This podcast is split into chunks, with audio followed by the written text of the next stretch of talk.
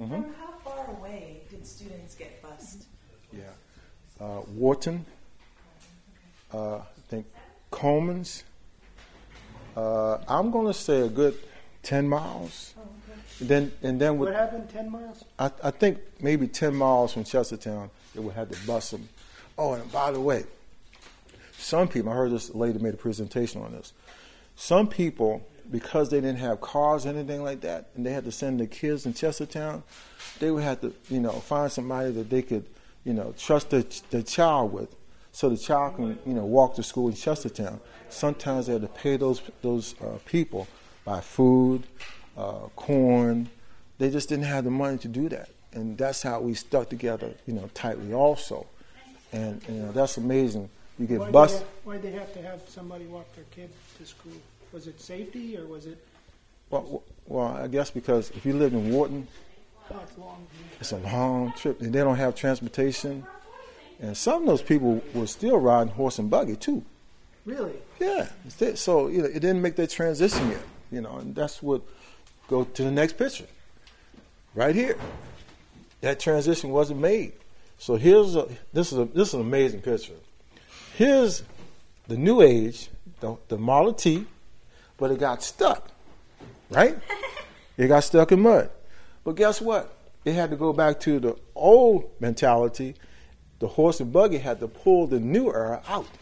What that picture teaches me, we need each other, you know, old and, and young. That's why it's important for you guys to, to hear this history because one day you're going to get stuck.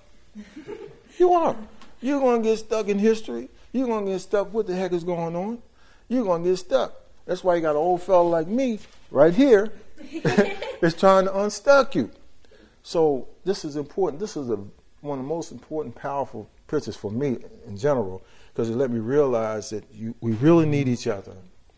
Both, both minds, the natives need each other, as well as the genius minds that you guys have need each other to make this 21st century great community come to where it wants to be at.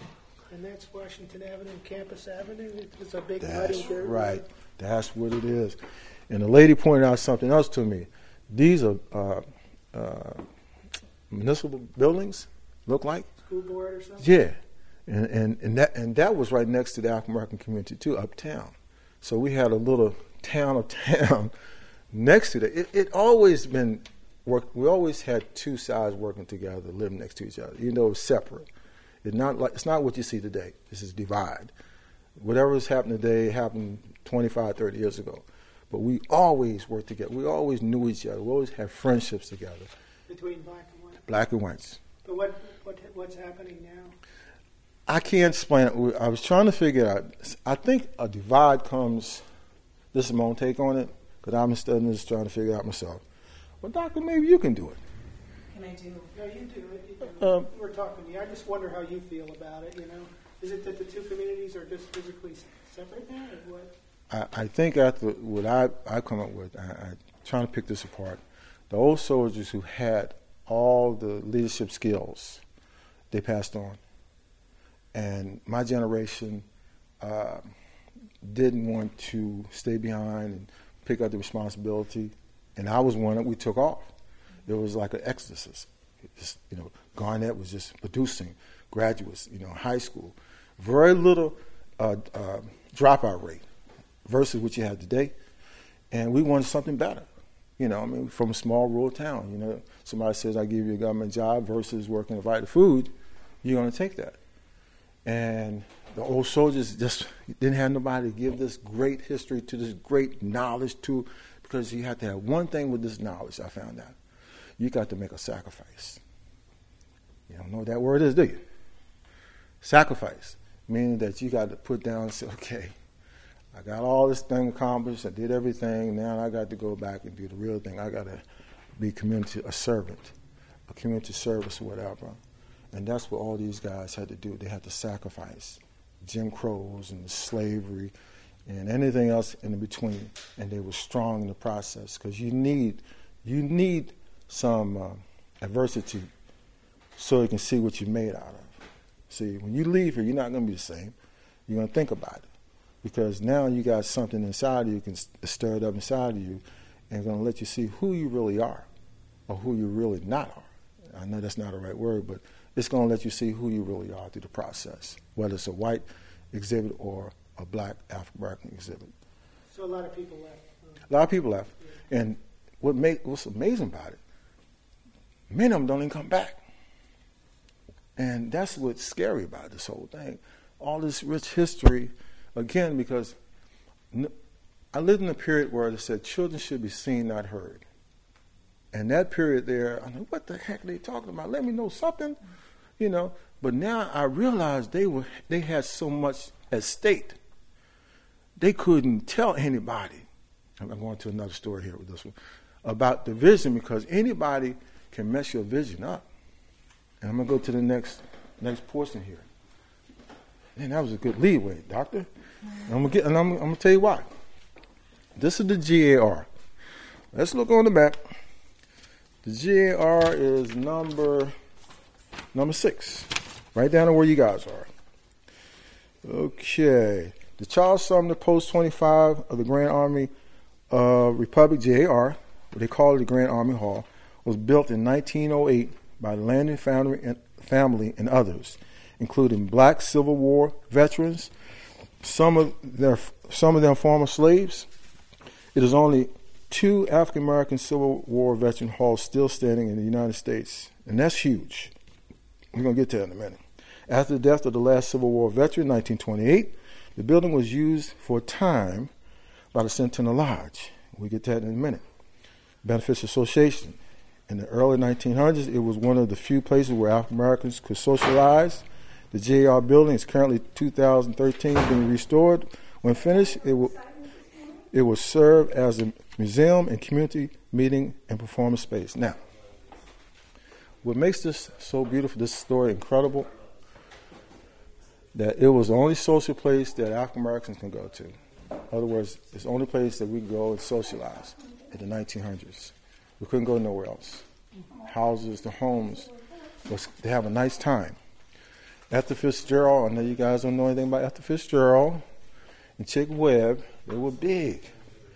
Like Connie, Connie West, is that? Is, is, Chick Webb, is that a Chick, yeah, 1930s, like it's like Count Basie, in that era like that. Big band. Big man. Did you say Ellen? Ethel, Fitz, Ethel Fitzgerald? Yeah. Ethel or Ethel? Ella. Ella, excuse me. Ella. Yeah, you know her? Yeah, I know Now, there you- now we got to get some word. There you go. There she got it. She got it. Well, they played down in this building on uh, Queen Street. The question on the floor is, how did they get them here with the low wages that they had? And they got them here, and that's the history of this building. What's more incredible about this building? These guys right here ran this building. Now, the JR was designed for the Civil War soldiers when they came back home. After the war, they didn't have medical benefits, they didn't have bur- burial benefits. So these guys here, the Centennial Lodge number nine, pulled together. It's 22 African American leaders. You probably won't see that around Chestertown for a while. And they came from Cannon Street, they came from Calvert Street, they came from Calvert Street, Calvert Street, Queen Street. And this guy here, Earl Fraser, was the president of the Centennial Lodge number nine. They pretty much took care of the Civil War veterans, made sure they had decent burial, made sure that they, they had a, you know, they didn't go out, you know, poor, broke, something like that. Far as, in other words, a decent burial. And Earl Fraser is my grandfather. He was the president. Now, he, he was the president of the Centennial Lodge number nine He was your. And my grandfather. I live in this house today, and, and he helped raise me and all that. What I didn't know was he was the president. And these guys reigned from 19, uh, it's 1928 to 1985 somewhere. But this is what happened. They made this transition. They had a relief corps uh, from the Landon family, a relief corps of about 20 some people, and they were relatives. And they passed on they passed the torch to these guys. Still family members. This is family. So what happened is that they went from 1940 to 1985, I think. So this is a 20-some year reign that these guys held on to the JR building, and that's incredible. Now, what makes this story more incredible? Not because it's my grandfather.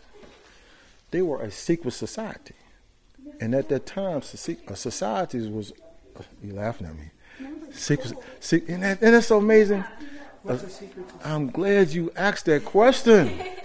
A secret society, again, their mission statement was this to, to, to help the children, to, to wipe the tears from the children's eyes and help the sick and the poor.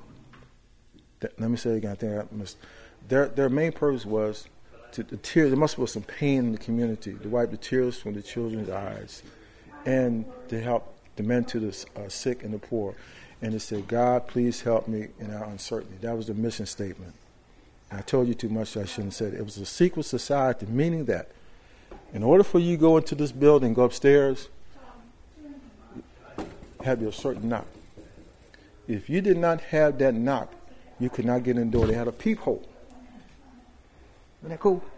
Who's at the door? It's down there right now. Leslie got it now in the door, and they opened the peep. It was Sergeant Arms, and if they if they didn't they didn't want you in there, you wasn't gonna get in the door. If you did get in that door, the Bible has to be opened up a certain way.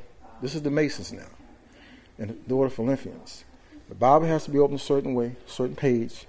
They had two cross uh, swords, excuse me, had to be a certain way, and they had balls on the table, white balls and black balls had to be on on the uh, on the table a certain way.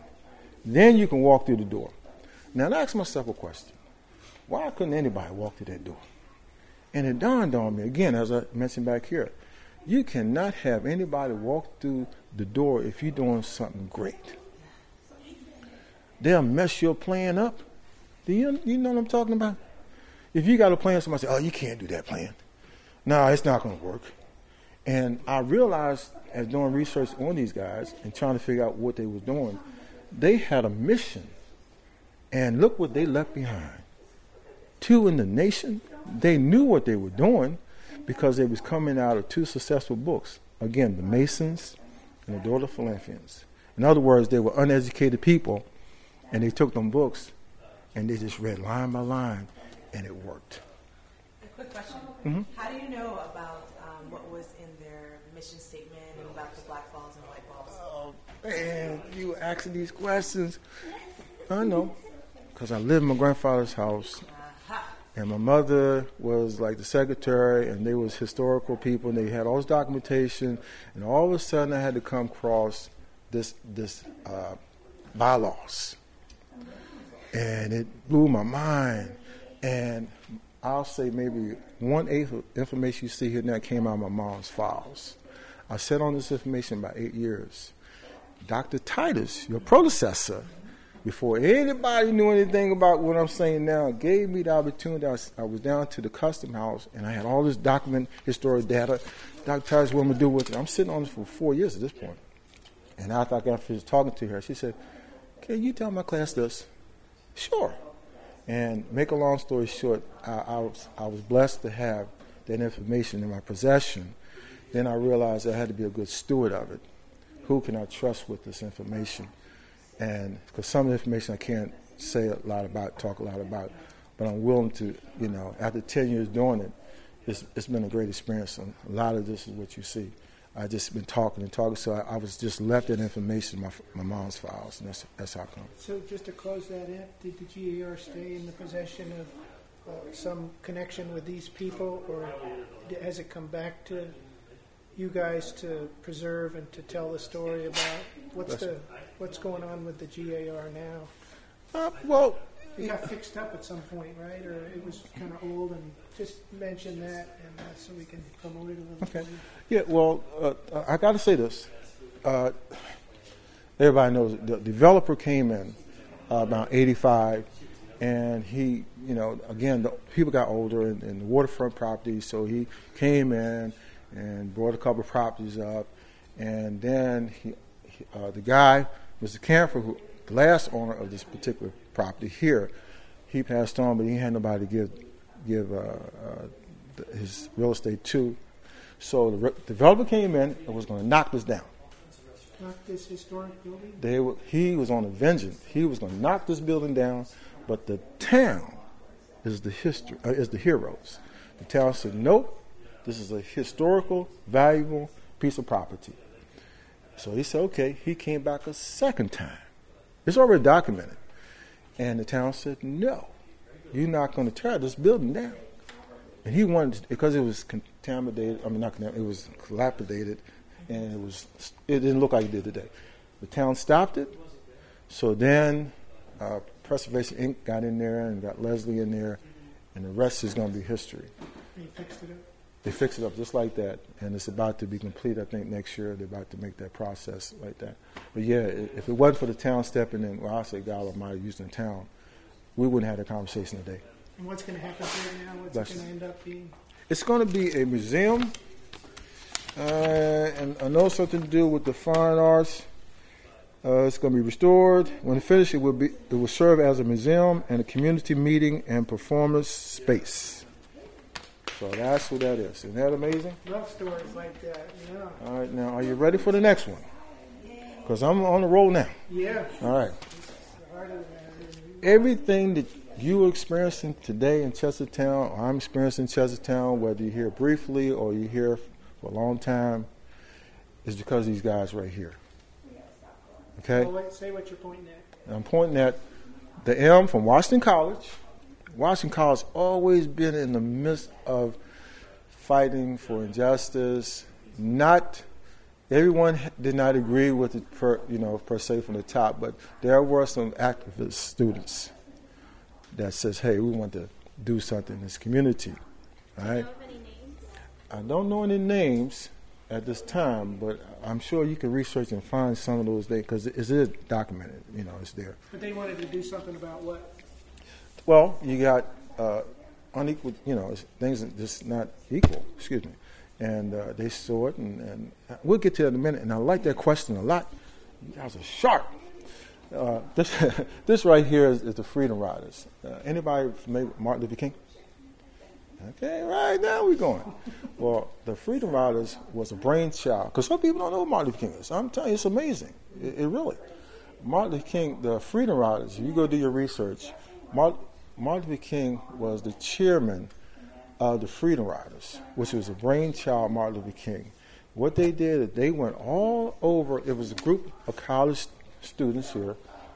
They came to Chestertown. This is the Washington Elm. It was a reporter. They came to Chestertown in February 9, 1962, before you guys were born.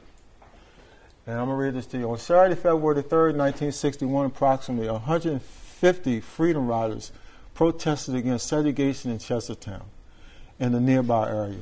72 of them were from New York City area, New York City University, Brooklyn College. 20 were from Swiftmore, four Swarthmore, four from Yale, oh, and the rest from Baltimore. The riders were under the direction of Philip Sage, Philadelphia Regional Director of the National Association of the Advancement of Colored People. Assisting in the project was the Baltimore Civic Interest Group, which is on this picture right here, directed by Clarence Logan. And pretty much they came here, they came, two big Greyhound buses arrived at Bethel Church, which is uptown. Nine or ten carloads of persons arrived about the same time people entered the church. Reporters from UPI, Baltimore Sun, African, Afro American television camera, man, and others are prepared. All right, let's go down here. Uh, this is what they stood on. This is this is what they were protesting against. Each freedom rider was also given a copy of Section 577, Article 27, uh, the Code of Maryland.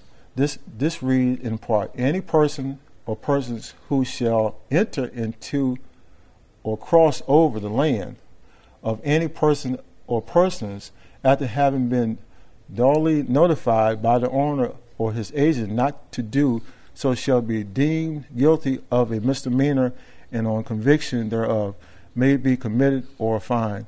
More than a hundred dollars shall be committed to the to jail until such fines and costs are paid. It being the intentions of the section only to prohibit any wanton trespassing upon the property land of others. Restaurant is here here within excuse me, restaurant is herein used to include not only the serving or dining room of any restaurant, but also the interest areas which are wholly or wholly on private property and in the control and possession of the restaurant management. In other words, they wouldn't let African Americans come in and eat in the restaurant. But the law of the land says, wait a minute, this article says that we can. And this protest, they came here and said, listen, because, excuse me, Bud Hubbard was an all white restaurant. That's uh, Bud Hubbard's, which is the restaurant where Dixon Valve is, location. And you got a car dealership location. It's a, it's a abandoned, uh, uh, like a bar or something. That's what they was protesting against. We couldn't go in there and eat. We couldn't go in and be served. So, but the law of the land says, hey, we can be served. But the fellows say, see, an unjust law is just like no law at all. That's what uh, the great Roman Empire, uh, a great ruler said, uh, St. Augustine. Unjust. Was that a new law at that point? And they were here to say, you know. It was already written in the law of the land. It wasn't new. It was already written. I don't know what year. George could tell you a little bit better. But they would not uphold the law. They didn't want to serve African Americans or anybody at that point. So they came here from all over the country in those two buses to tell this. I don't know why they pinpoint. I don't know how they got here. The law says that you're supposed to serve us. But the, the, the restaurant owner said, no, I'm not serving. Matter of fact, Leslie got the film. He stood in front of the door like this, said, you're not getting in here. You see, the film is amazing. So these guys are brainchild Martin Luther King. And what makes this amazing, I did some doc, uh, research on this in the book, Freedom Riders, it's no, nowhere mentioned that they came to Chestertown. They went to Route 40. But this is, this is the brainchild of Martin Luther King Jr. So Martin Luther King fingerprint touched Chestertown. So that's what these guys did. So they opened, oh, they also opened up the restaurant. But also, we were living County Street, Queen Street, and all that. So when they left and they negotiated, uh, Flatland opened up, which is Flatland uh, development out, out there by the detention center, and Quaker Estates opened up because majority of people living in Chestertown. In other words, a middle class opened up because the th- their agenda was integration, fair housing, and better jobs. They didn't get the better jobs in Chestertown. We're still working on that, but they got we got better housing and integration. So you see Kent County High School, you know, like Garnet was predominantly black, Chestertown, Chestertown High was predominantly white.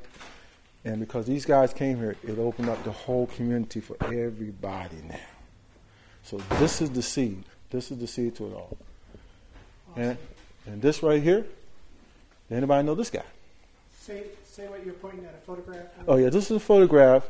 Uh, I'll point to it because we're recording. This is Washington College. Washington College, this guy here is Julian Bond. See his name again? Julian, Julian Bond, okay. which is was one of the major players in the political realm of civil rights, especially I think Atlanta, Atlanta way. So he came to Chestertown, and it was part of this this strategy. And as you see here, the college students right here in the 60s listened to Mr. Julian Bond. He was a national figure at that particular point. Those are all white students there. Were you at the college at that time? Or? I wasn't at the college at that time. I was in high school at oh, the time. School. Yeah. And what happened when they left and they wanted to integrate the schools?